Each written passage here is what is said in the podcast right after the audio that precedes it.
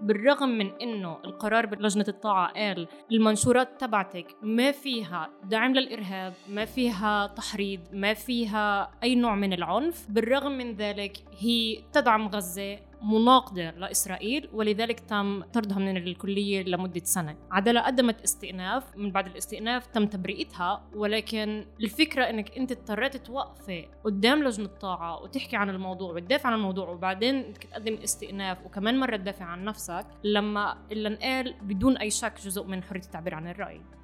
عدد لا يستهان به من هاي الإجراءات اللي بلشت بالطاعة استمرت بشكل جدا تلقائي. لإجراءات اعتقال. وهذا بيفتح سؤال كيف هاي الاجراءات انتهت ووصلت لاعتقال كيف إجراءات اللي بلشت بلجان طاعه بداخل قاعات الجامعات وصلت لشكاوي بالشرطة؟ مين الأشخاص اللي شايفين إنه هن معنيين يعاقبوا هدول الطلاب بكل طريقة ممكنة؟ سلامات. معاك أصالة منصور وأنت عم تسمعوا بودكاست عدالة. تاريخيا الجامعات والكليات الإسرائيلية دائما بتحاول تسكت أو تلاحق أي خطاب سياسي فلسطيني أو أي مشاركة تظهر الهوية الفلسطينية من قبل الطلاب الفلسطينيين بهاي المؤسسات في الداخل. في السنوات الأخيرة شفنا ملاحقة لطلاب وطالبات عرب بس لأنهم شاركوا في فعاليات لإحياء ذكرى النكبة برفع العلم الفلسطيني أو حتى إلقاء أبيات من الشعر اللي كان فيها كلمة شهيد أو غيرها. ولكن من يوم ما بلشت الحرب الأخيرة على قطاع غزة قبل 67 يوم شهدنا سياسة غير مسبوقة للمؤسسات الإسرائيلية من قمع وملاحقة للطلاب العرب اللي فقط أبدوا أي نوع من التضامن أو التلاحم مع أبناء شعبنا في القطاع. في هاي الحلقة معاي المحامية المتدربة مي دياب والمحامي عدي منصور من عدالة واللي اشتغلوا بشكل مكثف على التوجهات الكبيرة اللي وصلت مركز عدالة في آخر شهرين من الطلاب سواء بتقديم استشارة قانونية أو تمثيلهن أمام لجان الطاعة.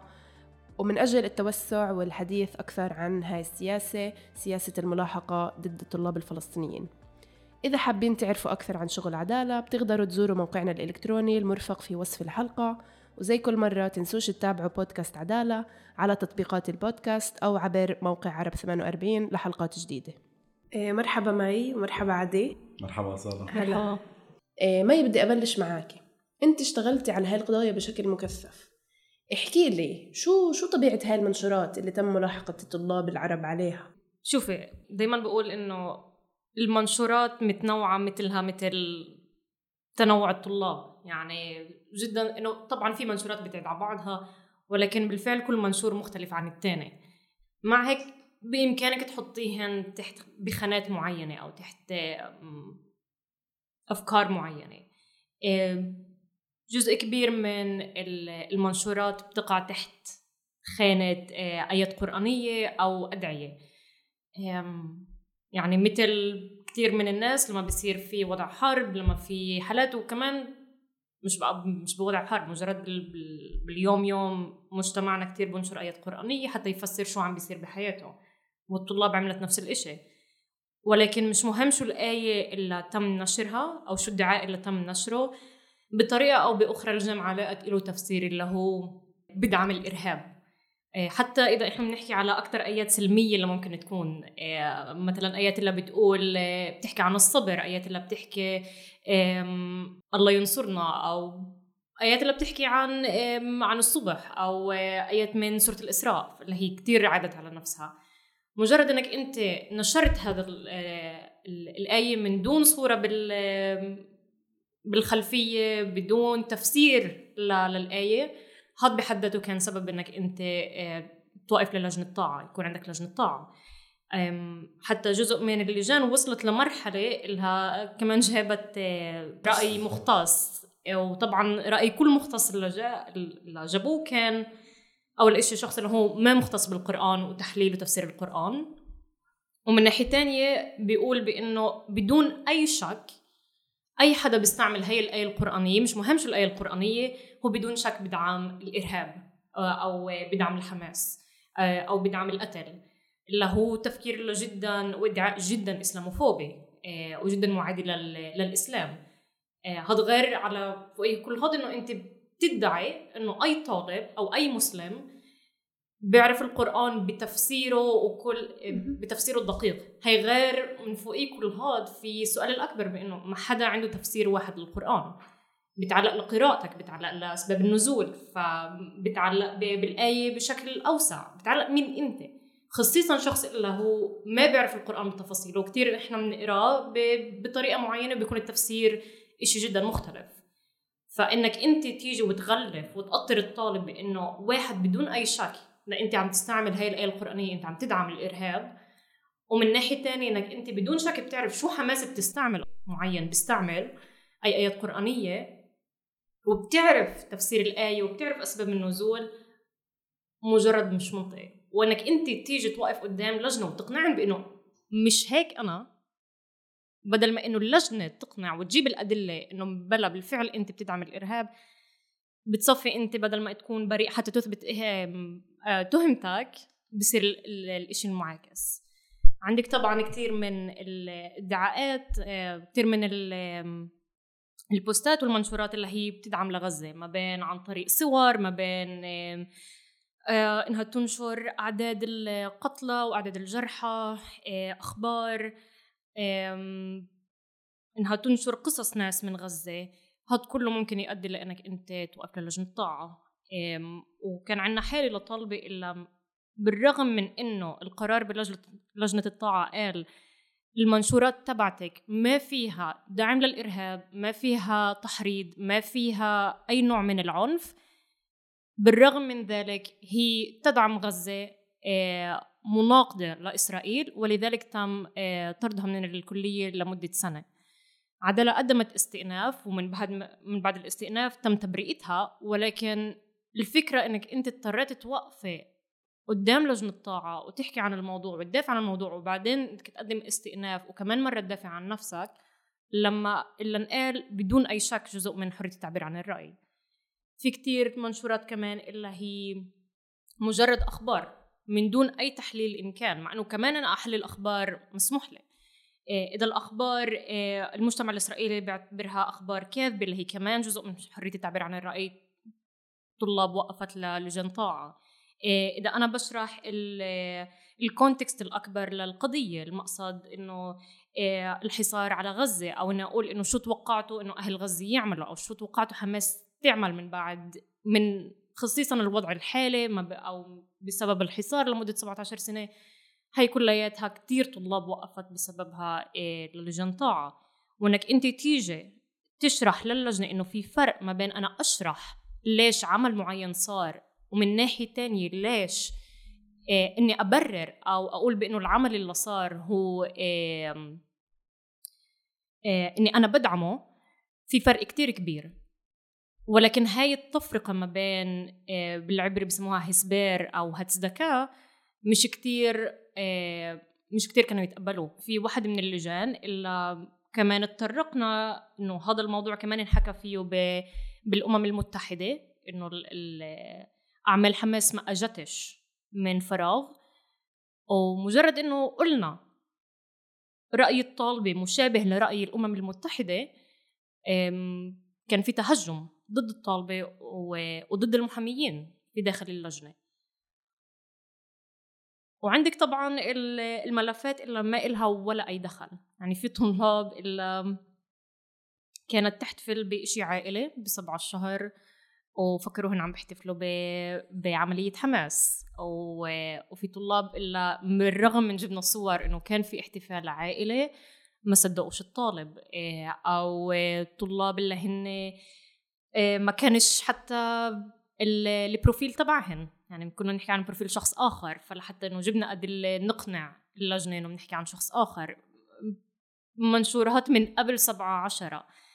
آه، وكمان بدك تقنع اللجنة بإنه ما إلهنش ولا أي دخل. ففي كتير حالات إلا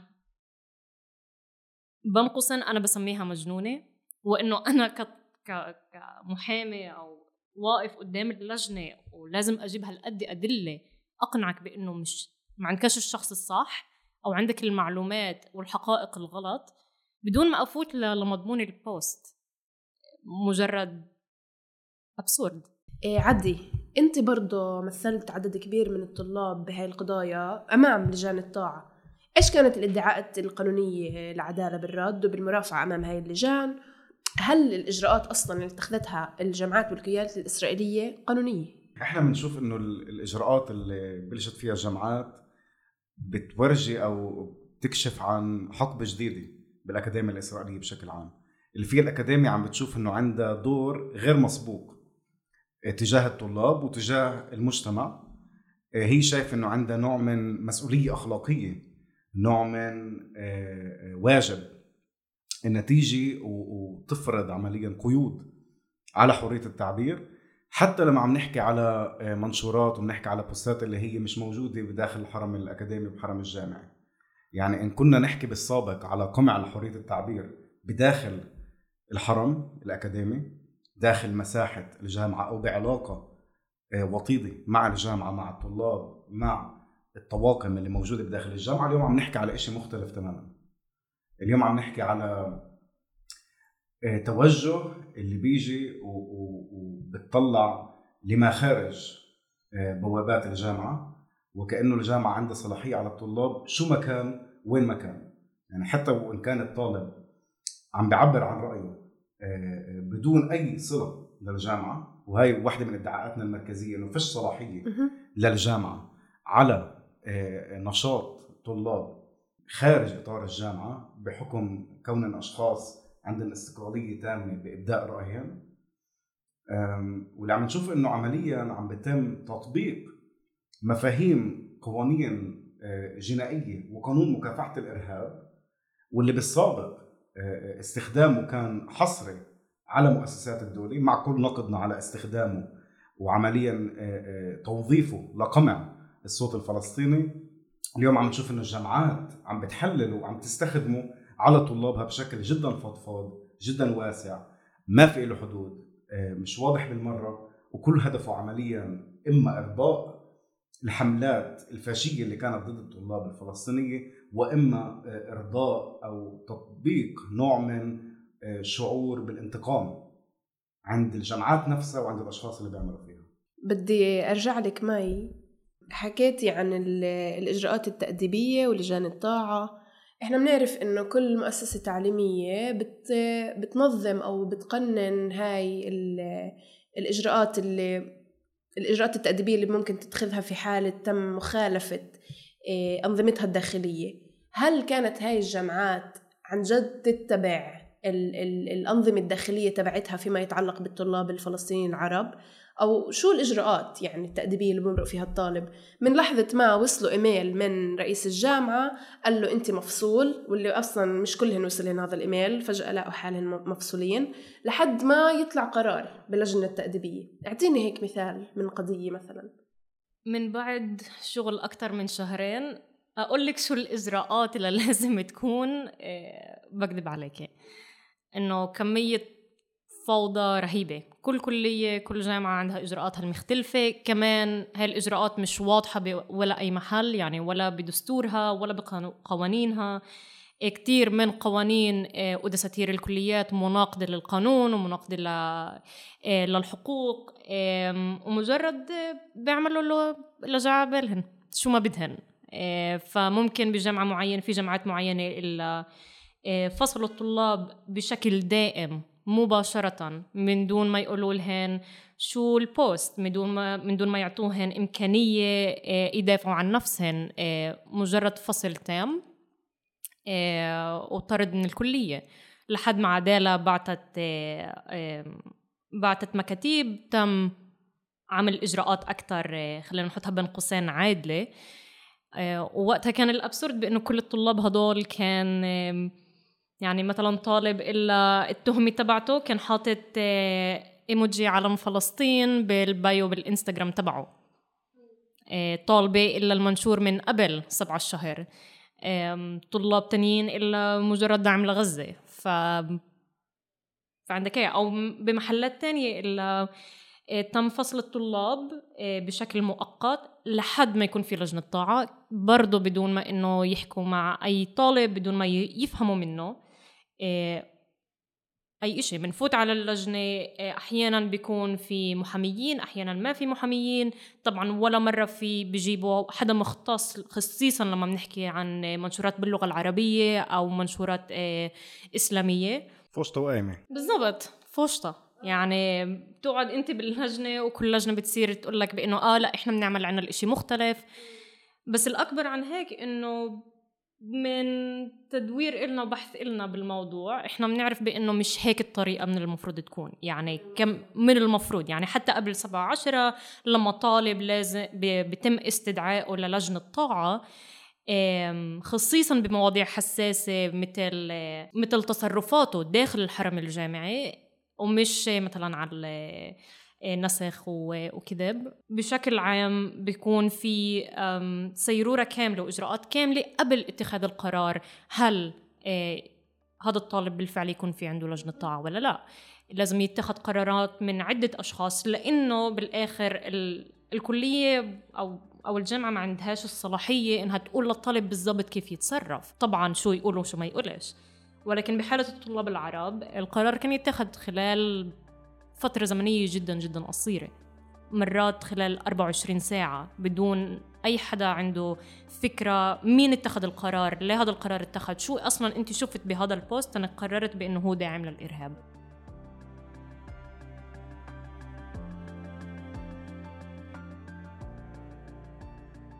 في هيك مبدأ أساسي في في القانون إنه المتهم بريء حتى تثبت إدانته. بس إحنا هون كفلسطينيين في الداخل يعني متعودين إنه لا إحنا مدانين وإحنا متهمين مش مش أبرياء. يعني قبل ما يصير في أي شيء وطبعا ال ال ال الأكاديمية الإسرائيلية برضه عم تأخذ برضه سياسة المحاكم.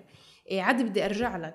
أنت يعني كمحامي كيف كان بالنسبة لإلك يعني لما هيك وقفت قدام هاي لجان الطاعة؟ كيف حسيت؟ كيف كان لإلك بشكل يعني على المستوى الشخصي وبرضه على المستوى المهني؟ يعني بدي أرتبط بجملة اللي قلتيها إنه بهاي الإجراءات الواحد متهم محمد تثبت آه، آه، عمليا براءته. آه، شعوري هو إنه الدخول لهي اللجان هو بتدخل كفلسطيني لحد ما تثبت شيء تاني. أنت بتفوت على اللجنة بحكم هويتك. آه، آه، وكيف ما قالت مي كان في أمثلة خيالية اللي بس عن طريق إقحام آه، الأفكار تبعت الطالب اللي هي مش عن جد أفكاره. يعني عمليا بتيجي اللجنة بتقرر هذا الطالب فكر هيك.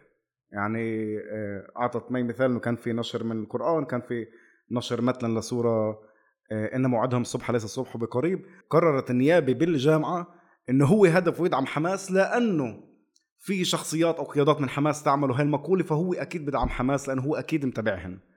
في مش بس أفكار مسبقة في نظريات كاملة لشو العربي بيعمل شو العربي بيتصرف شو العربي بيحضر شو بيسمع شو بيفكر. كل هذا آه، حمل كامل بيجي باللجنة وهذا اللي يحاكم مش الطالب نفسه. آه، فعمليا إحنا مش عم نحكي على إجراء طبيعي زي الإجراء الجنائي اللي الإنسان بفوت وبدافع حاله على مين هو. هو عم بفوت عم بدافع أو عم بجرب ينقد ويوقف قدام أفكار ما إلها دخل فيه بس أفكار اللي هو بولد معها. okay؟ وهو عم بجرب يفككها قد ما بيقدر عشان هو يقدر يضله بالتعليم وهو بالجامعة. ولإلنا كمحامين هذا אבסורד. يعني كيف ما قالت مي אבסורד على الآخر אבסורד كيف ما الإجراءات אבסורד تمثيلنا بنحسه مش من هذا الواقع. يعني إحنا بكتير مرات بنحس حالنا عم ندعي ادعاءات هالقد بعيدة. عن الأسس القانونية العادية يعني إحنا بندعي قانون ولكن بنحاول نمشي بين الأطراف اللي هي انحطت خصوصي خارج إطار القانوني يعني الإجراء نفسه مش مبني بناء على النظرية القانونية الأساسية من إجراء عادل وغيره فالشعور إلك إنك أنت كثير مرات عم بتناطح بالحيط. أنت بتحكي أشياء وجودي شكلي على الآخر. كثير مرات كنا نغير الاستراتيجية القانونية بناء على التعامل معنا. أنا مرات بديش أعطي لإلهن المصداقية إن يشعروا إنه هن عملوا الواجب تبعهن إنه جابوني وجابوا محامي وعملوا كله تمام وفي إجراء عادل. لا لا مرات باخذ خطوة لورا. إيه ما كنتش بسميها استسلام ولكن بسميها خلي الإجراء يبين بقباحته وأنا بعدين بعمل الخطوات القانونية وبفضح الإجراء كيف ما لازم. لما هن مش معطين المنصة لإلي كمحامي وكثير مرات كان في مهاجمة علينا. يعني حرفيا مهاجمة على المحامين. مش بس مهاجمة آه، بمفهوم إنه الادعاءات اللي أنت عم بتقولها بمفهوم شو رأيك أنت كمحامي؟ ليش أنت مش عم تستنكر اللي صار؟ ليش عدالة مش عم تستنكر اللي صار؟ صار عمليا وجود المحامي بالإجراء بحكم كونه فلسطيني وبرجع للشيء الأولى الشيء الأول اللي أنا قلته. أنت كمان مش جاي كمحامي آه، مهني فقط بالنسبة لإلهم. أنت جاي أكثر من هيك. وهذا فعلا الر- الرمزية تبعت كل هذا الإجراء هي رمزية الوضع. أوكي؟ ال- الإجراءات هاي هي مش بالصدفة هي مش عبث هي مش إجراءات قانونية عادية هي مش مجرد الجامعة شافت في مخالفة مخالفة طاعه اللي الطالب عم بيعملها. لا. كيف ما ذكرت عم نحكي على إجراءات اللي هي استثنائية ما كانتش موجودة قبل هي أكثر من هيك. هي نوع من محاكمة أو نوع من آه، فرز. آه، نعرف مين الطالب اللي قدامنا نستوضح الصورة أوكي؟ ونقرر شو الصورة اللي بدنا إياها للطالب اللي يكون آه، إن كان الطالب وإن كان إحنا نظرتنا إحنا بمفهوم الأكاديمية الإسرائيلية. آه، آه، الإدارة المحاضرين وغيره. آه، شو دورنا اللي إحنا بنشوفه آه، تجاه اللي صار okay؟ آه، وكيف إحنا بدنا عمليا نرس آه، نعطي رسالة. סובייקטיבית رسالة بمفهوم آه، آه، رسالة مش موضوعية على الوضع. اللي فيه إحنا بنقول رأينا كاكاديميا تجاه كل اللي صار آه، من 7 10 وطالع. وهذا طبعا مرفوض بناء على الادعاء إنه إجراء الطاعة كيف ما الإجراء الجنائي هو إجراء مبني على الفرد. فرد أعماله أفعاله بحاكم عليها. ولكنك تحاكم على أكثر من هيك وتوصل لمرحلة إنك أنت بدك توصل رسالة عامة على ظهر الطالب بس عشان أنت شايف حالك بالأكاديمية إنك أنت مجبور يكون عندك موقف. وإنك أنت مجبور تدافع على ال- المخيله الاسرائيليه اللي عندك اياها هذا بالنسبة لنا كمحامين مرفوض. من خلال تمثيلكم هيك صدر إنه كثير قرارات عن هاي لجان الطاعة وفي منها كان تبرئة تامة لبعض من الطلاب والطالبات اللي تم ملاحقتهم بس ما خلصش الموضوع هناك يعني مي شو شو العواقب اللي ممكن يواجهها الطلاب؟ إيه، غير الإجراءات التأديبية اللي بتتم في إطار الجامعة. إيه، بالمرة بخلصش هون. يعني آه، اولا ال... إنك أنت موجود بمحل إنك أنت بدك تثبت نفسك إنك ما بتدعم قتل أو ما بتدعم الإرهاب. هو بحد ذاته فيه برايي الشخصي ومن من حديثنا مع الطلاب اللي فيه كتير عائق نفسي. يعني كتير طلاب إيه، لقت حالها بمأزق نفسي كتير كبير. إيه، إلى جنب هذا الموضوع إنه في كتير طلاب إلا صارت تفكر من أول وجديد هل أنا بدي أتعلم بالكلية؟ هل أنا بدي أتعلم بالجامعة؟ هل مفضل بإني أنا أتركه؟ في طلاب قررت تترك التعليم. حتى لو الطلاب اللي ما كان عندها إيه، لجان تأديبية أو لجان طاعة مجرد إيه، ما شافتش في إلها محل بالكلية. في عندك كتير طلاب إلا من بعد ما أجت تبرئتها.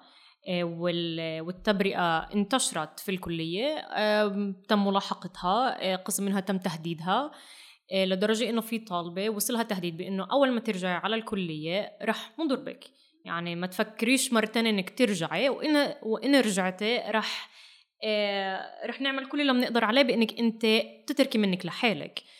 آه، عندك طلاب إلا كمان ما كانش عندها لجان تأديبية ولكن لما رجعت على التعليم قسم من الكليات رجعت تتعلم. آه، وتم التهجم عليهن. إنه أنت آه، محبال أنت داعم للإرهاب أنت مش المفروض تكون هون. ومع إنه الإشي صار بال خلال الحصة ال- المحاضر ما عملش ولا أي شيء آه، ولعلمنا لحد اس الكليه ما عملتش ولا اي شيء والطلاب بتخاف تقدم ضد الطلاب اليهود. إنه بالآخر بشي مرحلة ممكن يصلوني أنا آه، أو يشوفوا شو منشوراتي أنا. آه، ومثل ما بنعرف كمان ما فيش عن جد لجان تأديبية ضد الطلاب ال- اليهود ف أروح أناطح بمين. مش رح الملاحقة بلشت أصلا بالتحريض وبالطلاب اليهود نظموا حالهم وجمعوا بوستات وبعرفش إيش وقدموهن لل- للجامعات. يعني التحريض رح يستمر ورح يزيد أصلا. يعني اللجان كتير مرات إن مش بكل المرات مش بكل الحالات الحكي مش عن هل مضمون المنشور تحريضي أو لا هل داعم للإرهاب أو لا وإنما كله بتلخص برأيي بنقطتين. الأولى هو هي أنت أذات مشاعر الطلاب اليهود فكيف فكرك رح ترجع أنت تقعد مع الطلاب اليهود لما أنت أذيت مشاعرهن؟ والنقطة الثانية إنك أنت واللي هي مربوطة بالنقطة الأولى أنت مجبور تثبت إسرائيليتك.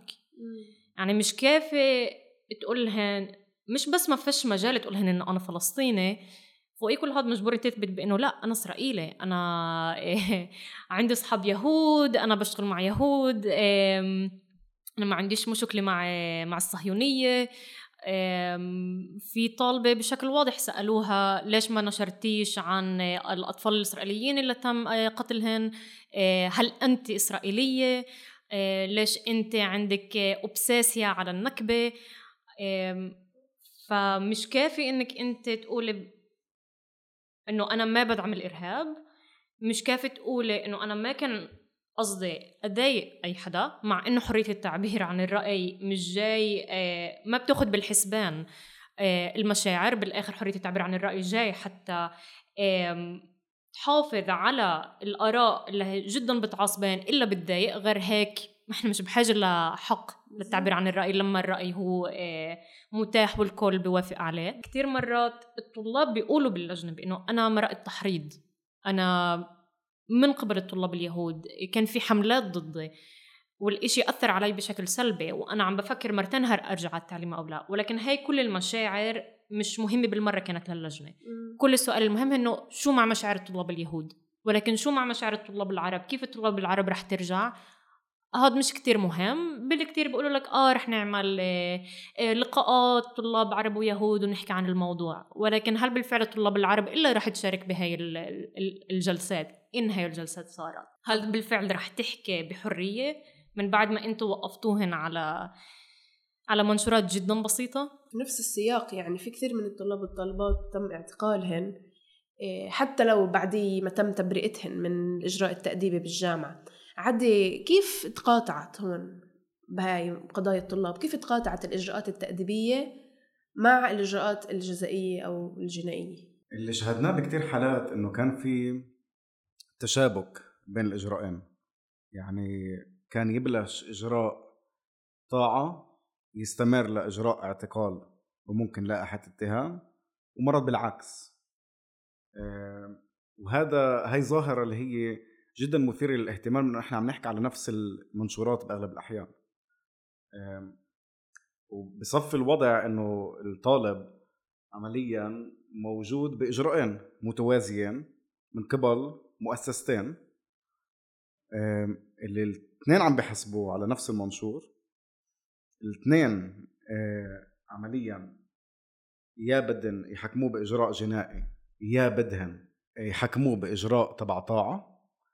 واللي شفناه إنه كان في يعني عدد لا يستهان به من هاي الإجراءات اللي بلشت بالطاعة استمرت بشكل جدا تلقائي لإجراءات اعتقال. وهذا بيفتح سؤال كيف هاي الإجراءات انتهت ووصلت لاعتقال كيف إجراءات اللي بلشت بلجان طاعة بداخل قاعات الجامعات وصلت لشكاوي بالشرطة؟ مين الأشخاص اللي شايفين إنه هن معنيين يعاقبوا هدول الطلاب بكل طريقة ممكنة. يعني في أشخاص اللي شايفين واحد إنه هدول الطلاب لازم يتعاقبوا بأقصى طريقة اثنين شايفين إنه الإجراءات بالجامعات بالنسبة لي مش كافي هن معنيين أكثر معنيين أكثر انتقام أكثر عقاب أكثر هيك. آه، وكان في عنا إجراءات بعدة محلات آه، وعدة مؤسسات أكاديمية اللي ما انتهت يعني باللحظة اللي انتهت آه، لجنة الطاعة والجلسه الطاعة مرق آه، يوم يومين كان في شكوى بالشرطة ومرق فترة جدا قصيرة كان الطالب آه، تحت الاعتقال. والاعتقالات عم بتكون جدا قاسية. ظروف الاعتقال جدا صعبة. يعني هذا مش مش موضوع اللي هو اليوم موضوع مفتوح بالشارع الفلسطيني وبنحكى عنه كتير. بس الطلاب الجامعات اللي كانوا عمليا بيوم عادي بحياتنا العادية مجرد نشر ومنشور.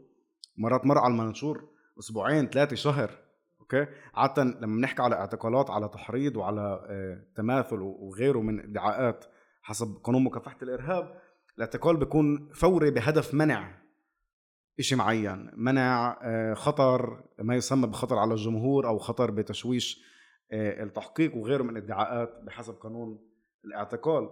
ولكن هون الاعتقال بحد ذاته هو كان وسيلة للعقاب. الاعتقال تحول لعقاب. هذا بالتوازي مثلا مع فصل الطلاب قبل ما يكون في أي إجراء. يعني هيك تحولت الوسائل اللي هي عمليا آه، جزئية أو وسائل اللي هي مؤقتة. إن كان بالطاعة وإن كان بالاعتقال من قبل أجهزة الشرطة وأجهزة الدولة تحولت لاجراءات عقابية إضافية على الطلاب اللي هدفها عمليا اذلالا. ردعهن فرض عليهن الصمت عليهن وعلى كل حواليهن. هاي شغلة كتير مهمة إنه هاي الإجراءات هي مش بمعزل عن البيئة. يعني مش شرط إنه أنا أمرق إجراء طاعة عشان يسكتوني. اليوم إذا أنا بعرف إنه في حدا معين حكى رأي معين اللي كان ممكن أنا أحكيه أو أحكي بشكل مشابه للرأي اللي هو حكاه أنا على الأغلب ألزم الصمت خوفا من الإجراءات وخوفا عمليا من الضبابية اللي موجودة الإجراءات. لأني بعرفش هل رح أكون رح رح يحطوني تحت المجهر أو رح أكون بلجنة طاعة أو رح أكون باعتقال وهيك. لأني بعرفش هل إيش رح يوصل لغد وشو رح تكون نتيجته. عمليا أنا رح أصفي مقموع بالرأي بدون ما يكون في بشكل واضح قمع لرأيي. وهذا هو أكبر مصيبة بالقانون.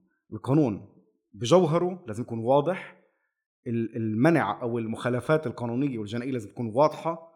مكتوبه بشكل جدا واضح هذا مش موجود لا بالقانون الإسرائيلي العام ولا بقوانين الطاعة وهذا مش من فراغ. هذا هدفه عمليا.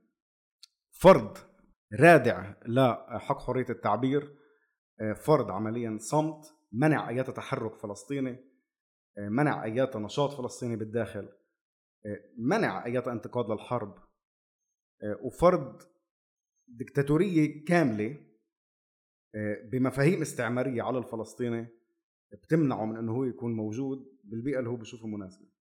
شكرا كثير مي وعدي شكرا لك. شكرا أصالة هاي كانت كمان حلقة من بودكاست عدالة. تنسوش تتابعونا عبر تطبيقات البودكاست. وإذا في عندكم أي ملاحظات أو أسئلة ممكن تبعثوا على البريد الإلكتروني المرفق في وصف الحلقة.